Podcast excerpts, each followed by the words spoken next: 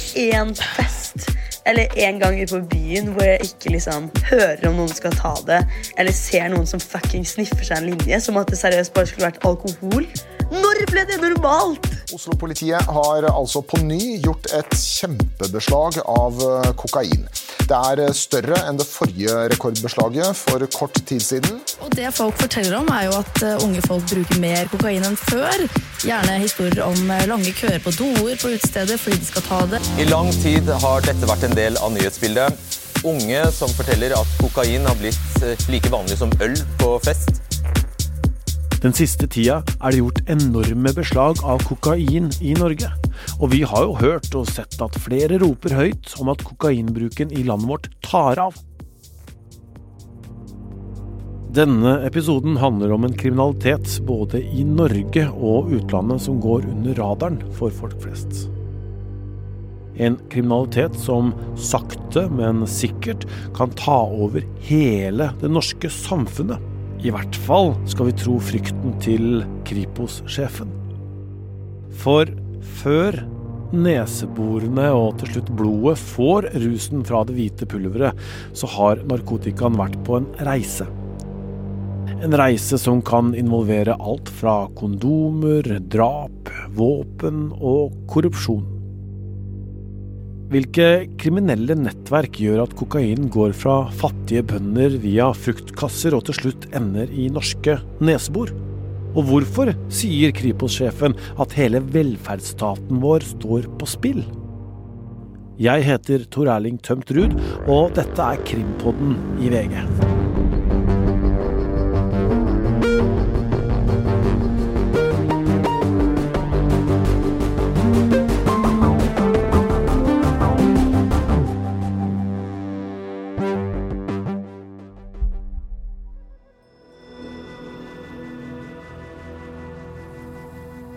Vi skal til eh, Colombia, til den lille havnebyen Tomaco.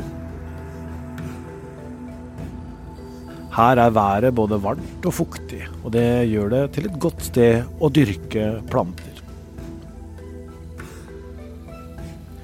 Under en presenning som skjuler det lille laboratoriet fra militærflyet som svever over, river bonden Ricardo grønne coccablader og sprer dem utover gulvet som konfetti.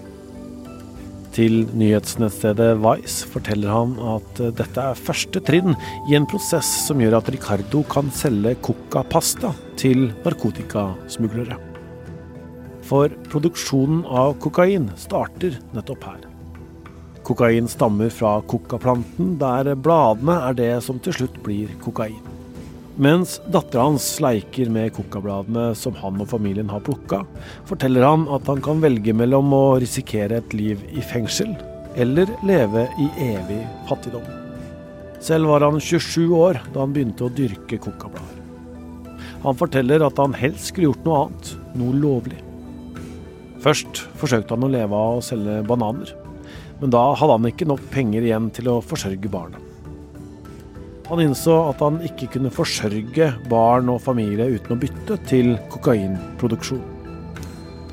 Siden det han gjør er ulovlig, har han ingen mulighet til å forhandle noe særlig med de som kjøper cocapastaen hans. Det er kriminelle gjenger som er motparten. Å drive med kokainproduksjon er farlig, og setter både han og barna i livsfare. I Colombia så var det 14 000 drap i fjor. Det er flere enn mange land som er i krig. De gjør jo dette fordi at de ikke har så mye andre valg. Dette er jo veldig voldelige områder, og hvis de kunne, så tror jeg de aller fleste hadde valgt å flytte. Men de er veldig fattige, så da eh, gjør de dette. Monica Wider er forsker ved Norges handelshøyskole i Bergen. Og hun er ekspert på kokainproduksjonen i Colombia og hvilke konsekvenser den har. Kokain er jo et sentralstimulerende stoff. Eh, det er et naturprodukt som er utvinnet av blader fra kokabusker. Og det er også da et eh, ja, svært avhengighetsskapende rusmiddel, sånn enkelt forklart. Nesten 80% av kokain i verden produseres i Colombia, ifølge FN.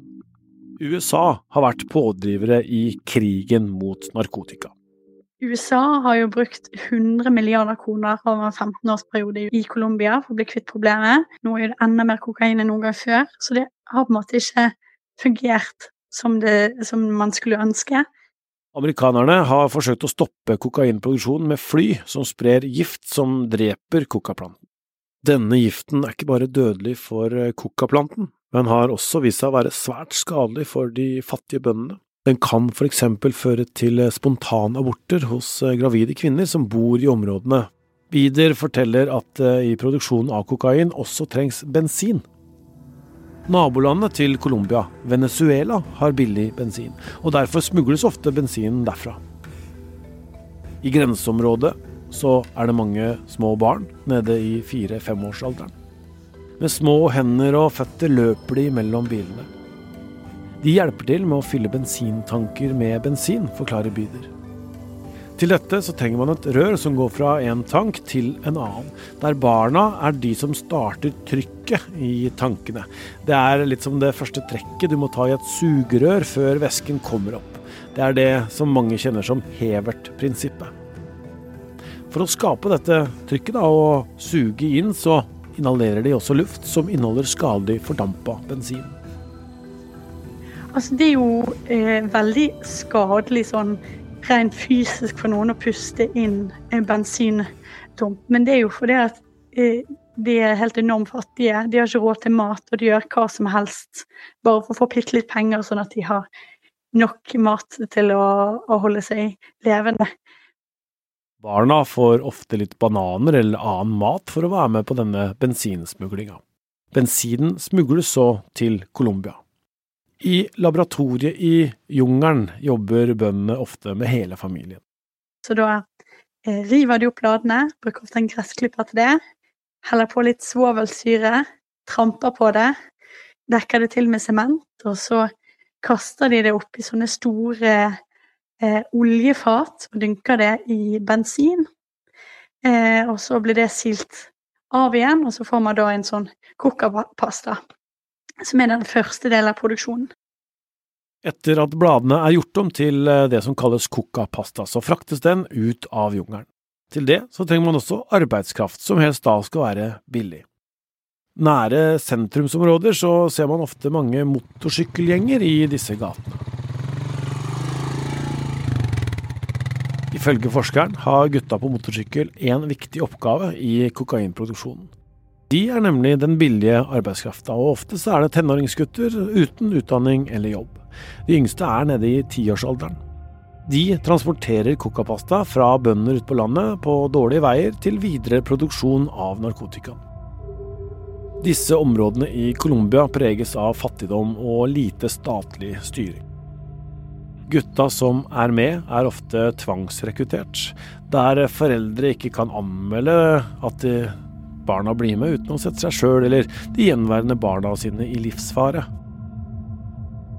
Og så er jo det sånn at det, dette hadde aldri fungert i stor, stor eh, skala, sånn som det gjør i dag, hvis det ikke var korrupsjon involvert, der forskjellige nivåer av myndigheter er med på dette og får fortjeneste av dette. Å bli kriminell er dermed kanskje det eneste valget de har. Nyhetsbyrået AP har snakka med en av de unge mennene som fortalte at han var tolv år første gang han drepte noen. Livet er prega av vold, død, drap, trusler og usikkerhet. Ja, altså Det som er det store problemet, er jo at i markedet så har man tilbud og etterspørsel. Og i kokainmarkedet så er det denne enorme etterspørselen som driver markedet, som gjør industrien så lukrativ. Så når man tar kokain, så er jo man med å opprettholde denne store etterspørselen. Og nå er etterspørselen så sterk at det er faktisk nesten umulig for da colombianske myndigheter å stoppe problemer alene. For det er såpass mye penger å tjene på det. Ekspertene ser at eh, det i Colombia er tre store karteller som slåss om den ferdige kokainen. Og alle er de ute etter det samme. Kontroll på narkotikaproduksjonen og distribusjonen til Europa og USA, sier Bieder. Og det med god grunn, for ifølge nyhetsstedet Vice er prisveksten enorm. I Colombia koster et kilo kokain over 10 000 norske kroner. Når kiloen kommer til Ecuador, er den verdt eh, over 30 000 kroner. Dersom kokain kommer til USA, stiger prisen til over 200 000 kroner. Og kommer den til oss her i Europa, da er prisen over 400 000 kroner kiloen. I frakten av dette verdifulle stoffet er det flere aktører som involveres. Ja, da eh, skal jo det fraktes eh, rundt omkring i verden, og da bruker jo de alt mulig forskjellige måter for å smugle dette inn. Alt fra ubåter eh, til enkeltindivider som da går svelger da små kokainpakker pakket inn i, i kondomer osv. Og, så og flyr med det. Og så blir det aller meste transportert med konteinere gjennom den lovlige handelen som er mellom da eh, Sør-Amerika og USA, eh, Afrika og Europa. For hver dag hele året glir containerskip sakte inn og ut av ulike havner i Europa. I havna i Antwerpen i Belgia kryr det av folk. Der jobber det over 150 000 mennesker, og området er gigantisk. Denne kaia er en av de største mottakerne av varer til Europa. På kaiene tar havnearbeiderne mot skip fra hele verden. Heisekraner som strekker seg mot himmelen, løfter konteinere som stables oppå hverandre.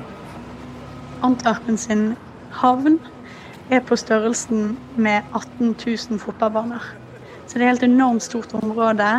Og da blir en container der det er blandet inn litt kokain, kan være ganske vanskelig å fange opp i den store mengden med konteinere som, eh, som skal gjennom.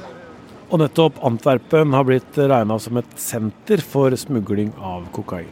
Politiet sier at havnearbeiderne der er viktige brikker for de kriminelle. Politiet mener at kartellene fører grundig oversikt over hvem som arbeider på havna, fra logistikkarbeidere til de øverste sjefene.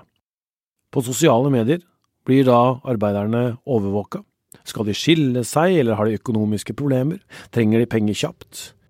De kriminelle rekrutterer ofte disse menneskene gjennom sosiale medier, anonyme SMS-er der de får tilbud om en enkel jobb. Her kan de bli tilbudt store summer for å flytte en container til et sted den kanskje egentlig ikke skulle ha stått, f.eks. til Norge. Kanskje sammen med noen bananer på vei til Bahama. Uansett, Politiet sier at hvis kokainen kommer til en norsk havn og ikke blir oppdaga, så plukkes den jo opp av eh, kriminelle, som igjen selger den videre til selgere, som igjen dealer kokainen til nordmenn. Men før dette blandes kokainen med andre stoffer for å få høyere fortjeneste per gram, sier Bider. Ja, altså det er jo veldig mye rart og veldig mye forskjellig, og det er jo det som gjør det litt skummelt at det kan være hva som helst. Men det er ganske vanlig å blande det ut med en ormkur for hester. Kokain i seg selv det er jo ikke bra for eh, hjerte og hjerne. Og når det blir tatt sammen med alkohol, er heller ikke bra. Men da den kombinasjonen av ormkur, kokain eh, og alkohol eh, er ganske farlig for hjertet, da.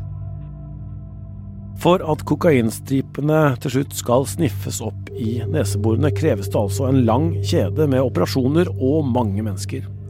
Det kreves også norske bakmenn som styrer de kriminelle nettverkene. Kripos-sjef Kristin Kvinge har tidligere uttalt at dette kan sette hele velferdsstaten vår på spill, der det hun kaller mafia holder i alle tråder. Reporter Hanna Espevik tok turen til Kripos for å finne ut hvordan politiet arbeider for å ta disse bakmennene. Sett deg Takk. Her. Ja, så deilig. Kristin Kvigne, eh, sjef Kripos. Vår oppgave er jo den alvorlige organiserte kriminaliteten. Eh, og vi er særskilt eh, aktive når det gjelder å avdekke og iretteføre i forhold til bakmenn. Mm. Hva er en bakmann? Jo, en bakmann er eh, en som sitter og organiserer kriminaliteten, men kanskje ikke er den som verken transporterer selv eller selger selv, eh, men holder i trådene. Og det vi ser i mange av de sakene vi har, er at eh, det er nettverk som holder i trådene på den eh, organiserte kriminaliteten i Norge, men de sitter utenfor Norge. Men de har en tilknytning til Norge, de er ofte norske borgere, har, eller kan ha dobbelt statsborgerskap.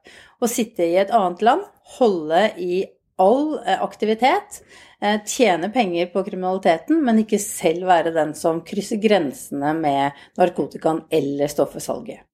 Hvordan holder de trådene, da? Nei, dette er jo gjennom organisert virksomhet. Og det vi også ser etter hvert, er jo at det er flere og flere som benytter seg av profesjonelle aktører inn i dette, altså profesjonelle transportører, eh, folk som jobber med logistikken, regnskapsførere, eh, advokater osv., og, så og som holder sammen mot én bakmann, som eh, sørger for at transportene går, men ikke selv har en hånd i det. Mm. Fins det på en måte noen typiske trekk med en sånn bakmann? Ja, det er jo gjerne personer som har en kriminell eh, bakgrunn. Det er jo personer som vi kjenner fra, fra eh, annen type kriminalitet, men som har jobbet seg oppover, for å si det sånn, innenfor kriminelle nettverk, og nå sitter i en posisjon som er eh, eh en lederposisjon innenfor de nettverkene. Mm. Hvordan jobber Kripos med å ta de, da? Nei, nå har vi eh, blant annet så har vi jo gjort dette gjennom eh, disse krypterte plattformene som har blitt tatt ned på internasjonalt nivå. Eh, og vi har fått lov til å få informasjon fra de etterforskningene. Og gjennom det så har vi fått et helt annet bilde av hvordan nettverk innenfor kriminalitet fungerer. De siste åra har nemlig det som kalles eh, kryptotelefoner vært sentrale i politiets etterforskning mot kriminelle nettverk i Norge og i utlandet. Norske kriminelle er særlig kobla til en eh, type kryptotelefon som heter Sky ECC. Kripos har funnet over 1200 brukere som kobles til Norge, der både norsk og internasjonalt politi har pekt på at disse telefonene nesten utelukkende har blitt brukt av kriminelle, og særlig da bakmenn. De brukes for å organisere narkotikaen, drap, bortføringer og annen kriminell aktivitet. Og mange av disse er kobla til narkotikaimport. Telefonene er krypterte, som vil si at meldingene kun er lesbar for avsender og mottaker. Telefonen har også en panikksletting og fjernsletting, slik at eierne ved hjelp av et passord kan slette alt fra telefonen. Men for rundt eh, fire år siden så fikk politiet i Belgia og Nederland og Frankrike tilgang til servere som eh, var kobla til den mest brukte kryptotelefonen Sky ECC, der de over en god periode kan se kriminelle meldinger om salg og bruk av narkotika. De ser bestilling av kidnappinger og drap. De klarte å dekryptere meldingene, altså vite hva som sto der, ved at de fikk tilgang til denne serveren og for to år siden så blei denne serveren tatt ned av politiet. Til tross for at meldingene de nå arbeider med er fire år gamle, så er det et godt utgangspunkt for politiet å avdekke bakmennene. Det som sjokkerte Kripos-sjefen mest med å lese innholdet fra telefonene, var hvor mye vold og trusler som prega samtalene i denne narkotikahandelen. Nivået av voldsbruk og trusler om vold, og viljen til å bruke vold for å kunne opp oppnå, eh, oppnå, det de ønsker innenfor sitt forretningsdomene, det er, eh, det er ganske betydelig i disse sakene. Det vi ser er jo vold innenfor det kriminelle miljøet. Det er der på en måte voldstruslene kommer. Ja. Hmm. De telefonene og de meldingene, er det noen nye sånne krypterte telefoner her som dere arbeider mot å avdekke nå? Jeg, jeg, tenker vel at når disse plattformene blir tatt ned, så vil denne type eh, kommunikasjon flytte seg over på andre plattformer. Om det flytter seg over på allerede på måte etablerte kanaler, eller om det oppstår noen nye krypterte kanaler, det, det eh, tør jeg ikke uttale meg om, men vi følger i hvert fall hele tiden med på hvor er det denne kommunikasjonen flytter seg nå, og det gjør vi både i Norge og internasjonalt. For det er helt åpenbart at de trenger å kommunisere. Det er umulig å drive et internasjonalt nettverk på dette nivået, eh, som vi vet eh, gjøres, uten at man har en kommunikasjonsform og kommunikasjonsplattform den måten vi jobber på nå, spisset mot bakmenn, den vil eh, det er en god måte å jobbe på. Det er en bra måte å jobbe på mot de store bakmennene og prøve å ta disse. Fordi at den type kriminalitet eh, har en så eh, farlig virkning på hele samfunnet vårt. Det at man har ser organisert kriminalitet eh, komme opp på denne måten, det ser vi i andre land, har en betydning for eh, både rettssikkerhet, trusselen mot myndighetspersoner, trusselen mot personer som jobber eh, ja, på havner, i, i vaktvirksomhet osv., og, eh, og eh, gir en generell eh, destabilisering av samfunnet som rett og slett kan være en effekt på hele demokratiet vårt hvis vi ikke klarer å stoppe det. Så at vi må ha en bevissthet knyttet til det, ja, definitivt. Betalingsformer som eh, kryptovaluta har også gjort det mye vanskeligere for politiet å spore betalinger, som ofte er et sentralt spor for å ta bakmenn. Det betyr at Kripos er helt avhengig av et internasjonalt samarbeid for å avdekke ruter for import og eksport. Politidirektøren og Riksadvokaten ga Kripos i oppdrag å få kartlagt de kriminelle nettverkene i Norge, og dette arbeidet jobber de fortsatt med, men det har overraska dem hvor store kriminelle nettverkene er. Vi vet at den finnes i alle landets uh, fylker. Uh, vi vet at den er, er organisert, vi vet at den er internasjonal, og vi vet at den har et høyt potensial. Eh, og jeg tenker at det, eh, den informasjonen som vi nå gjennom dette har skaffet oss, den setter oss som politi bedre i stand til å også kunne bekjempe det. Men dette er ikke noen enkel jobb. Dette vil kreve mye ressurser fra eh, politidistriktene. Det vil kreve mye ressurser fra våre samarbeidspartnere i tollvesenet bl.a.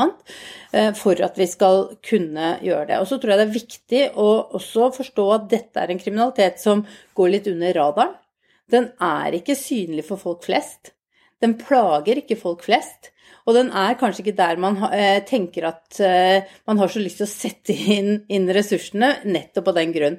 Fordi dette er eh, kriminalitet som ikke anmeldes. Den eneste måten den kommer opp på, er gjennom avdekking av politiet selv. Men dette er også den helt, helt, helt alvorligste kriminaliteten vi står overfor i det norske samfunn, og vi er nødt til å gjøre noe med den før den setter seg sånn fast at vi kommer til et punkt at vi blir berørt av den og ikke klarer å gjøre så mye med det.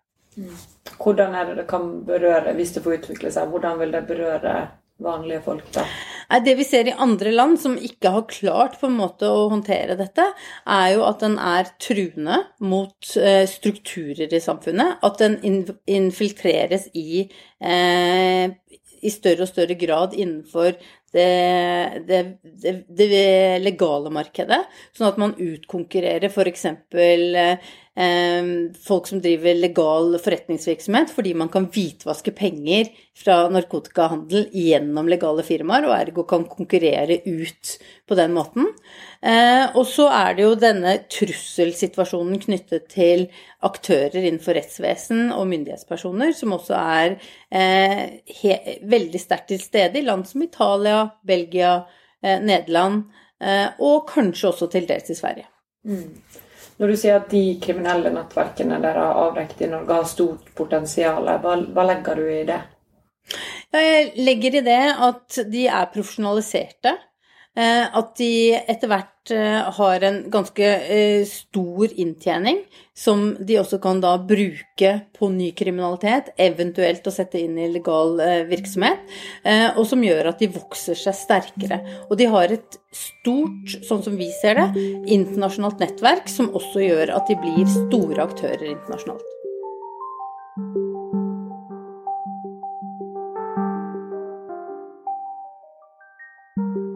Ja, Øystein, nå har vi hørt om uh, disse store kokainbeslagene uh, som har blitt gjort i Norge. Altså, det er jo rekordstore beslag fra disse banankassene som ble funnet inne på Bama. Og Kripos-sjefen sier at hun er uh, bekymra, sier at det er mye kokainbruk på utesteder og sånt. Men hvem er det som bruker kokain? Først og fremst så må du ha penger for å kunne bruke kokain. Det er et dyrt og et privilegert dop, for å bruke det uttrykket. Typisk så kan man jo se for seg at det er folk med gode jobber, som tjener mye penger, som er glad i å være på byen kanskje, eller glad i å være i festmodus, og som begår da det som jeg mener er en grov, grov feil, og, og uh, bytter da ut uh, alkohol i moderate mengder kanskje med mye, eller med bruk av kokain. Vi vet fra FHI og politiet at de som bruker kokain, hovedsakelig er eh, unge voksne. Det er ikke så ofte det du kan kalle ungdommer, men unge voksne, og da snakker vi om folk som jeg var inne på, har kommet ut i arbeidslivet kanskje, og som har tilgang til egne penger. Og så er det et paradoks her som jeg tenker en del på, og det er jo at eh, disse unge voksne, ressurssterke, kanskje med høy inntekt, kanskje også opptatt av politikk, opptatt av bærekraft, opptatt av eh, de lange linjene, opptatt av at samfunnet skal utvikle seg i riktig retning. Hvis det er, eh, eller de av dem, som eh, er på den stien der, men som samtidig misbruker kokain, Eh, de står da etter mitt skjønn for en, eh, en dobbeltmoral. Eh, fordi at kokainmisbruk det er for det første illegalt som sådan, og det medfører at man får kriminelle organisasjoner med hvor det er mye penger, det er beinhard kultur, folk kan bli utsatt for vold, drap, og i andre enden så er det også fattige bønder i Sør-Amerika som blir Eh, utnytta i denne eh, industrien som det jo er. Så, så jeg tenker at eh, det er et stort paradoks at man både er opptatt tilsynelatende av de store, viktige tingene og har gode verdier, for å bruke det uttrykket, men samtidig da uh, faller hen til å, å, å, misbruke kokain. Mm. Men dette beslaget da på, på, Bama, det er jo så svært, men det er ingen som er tatt for det. Hvorfor klarer ikke politiet å ta noen som har, har med denne kokainen å gjøre? Nei, altså I de to sakene der så er det jo veldig spesielt, for det, sannsynligvis er det ingen i Norge å ta. Rett og slett fordi at uh, mye tyder på at uh, kokain her ikke skulle til Norge. At det ikke var en eller flere norske mottakere som venta på det. At dette rett og slett har blitt feilsendt. Um, og det er jo ganske spesielt uh, å se at 1,7 tonn, altså like mye kokain som en personbil eh, i ganske god størrelse veier, har blitt sendt feil til Norge. Så det kan nok hende at det er noen i, i, i den organisasjonen der som har problemer med den logistikkblemma. At man har sendt tilsynelatende da denne kokainen til, eh, til feil, feil sted. Uh, og så er det jo generelt da, vanskelig hvis man skulle tenke seg at det var noen i Norge som uh, satt og venta på at alt dette skulle hit. Så ville det likevel kunne vært vanskelig å, avsløre noen, selv om man fant uh, partiet. fordi at det er jo et godt organisert nettverk. Det er folk som er, legger mye tid og energi og prøver å holde seg under politiets radar. og jo høyere opp i systemene du kommer, jo verre er det å få knytta en bakmann eller flere bakmenn i, i de leddene til eh, noe sånt. Kanskje hadde man kunne klart å tatt noen i førstelinja, de som måtte reist og henta det, men eh, ofte så holder jo de da helt eh, munn om hvem som står bak dem, og derfor så kan det være utfordrende å få tak i noe mer enn maksimum da det første leddet. Og det brukes jo da kryptovaluta, kryptotelefoner, ja, man gjør mye som at man forsøker å, å holde seg unna. Men vi vet jo også at uh, heldigvis uh, noen uh, blir tatt. og det er jo gjort enorme beslag i Europa. Europol sa jo i fjor høst at det var en storm av kokain på vei inn mot Europa. man ser at prisene på gata fortsatt er veldig lik, og det sier jo noe om hvor lite de store beslagene egentlig påvirker salget. Uh, og det har jo Europol også påpekt. Um, og de sier jo at for hvert beslag de klarer å ta, så er det ti konteinere som kommer frem med kokain. Og da, da sier det litt om omfanget. Og dette er jo helt annerledes enn det var uh, for noen år siden. For da har jeg hørt historier om at når politiet her i Norge tok rotta på, for å bruke det uttrykket, en narkoliga som var stor, så så man det på gata ganske fort. At nå var eh, salget og omsetningen mm, ja, påvirka av det. Og det er klart at når man da ikke har den situasjonen lenger, så, så, jo, så, så sier jo det alt. At her er det så mye at eh, man uh, jo kan uh, kanskje miste motet i kampen, men ikke desto viktig er det at altså, det er like viktig, og minst like viktig, at man da fortsetter å kjempe mot den, dette enorme altså, det, disse ligaene, og det krever jo et enormt internasjonalt samarbeid. Det er like viktig at man fortsetter å kjempe mot disse ligaene, og det krever jo et uh, enormt og omfattende internasjonalt samarbeid for å få tatt denne, eller i hvert fall holdt uh, de organiserte uh, narkotikabandene på et så lavt nivå som mulig.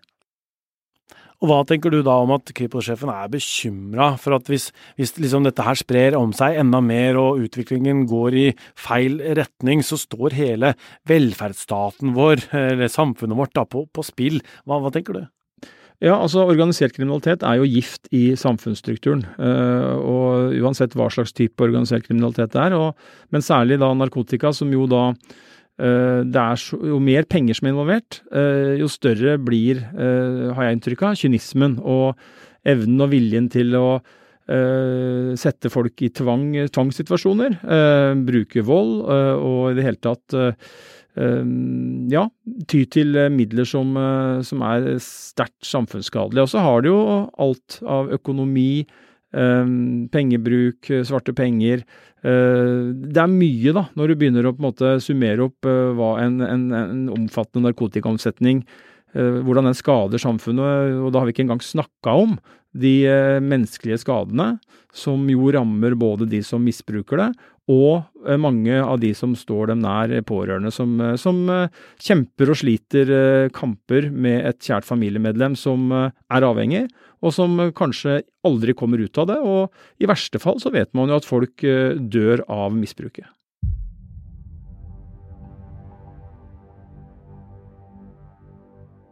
Hei, Øystein Millie her.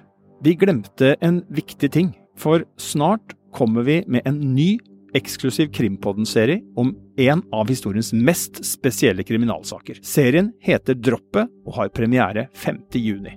Hver mandag i fem uker vil du finne en ny episode hos Podme. Og hva handler dette om?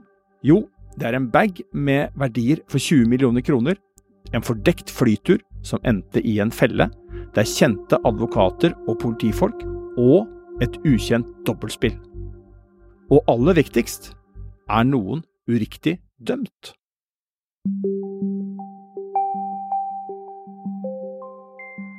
Denne episoden er laga av Hanna Espevik. Krimpodens redaksjon består også av Guro Mjeltevik Halvorsen og Ruth Einevold Nilsen. Nyhetssjef er Emilie Hall Torp, og Krimpodens produsent er Vilde Våren. Krimkommentator Øystein Milje var med. Lydklippene du har hørt er fra NRK, TikTok og Soundly. Jeg heter Tor Erling Tømter.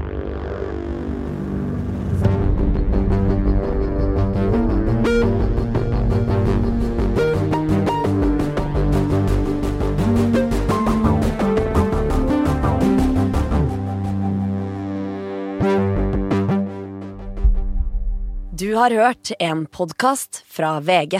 Ansvarlig redaktør, Gard Steiro.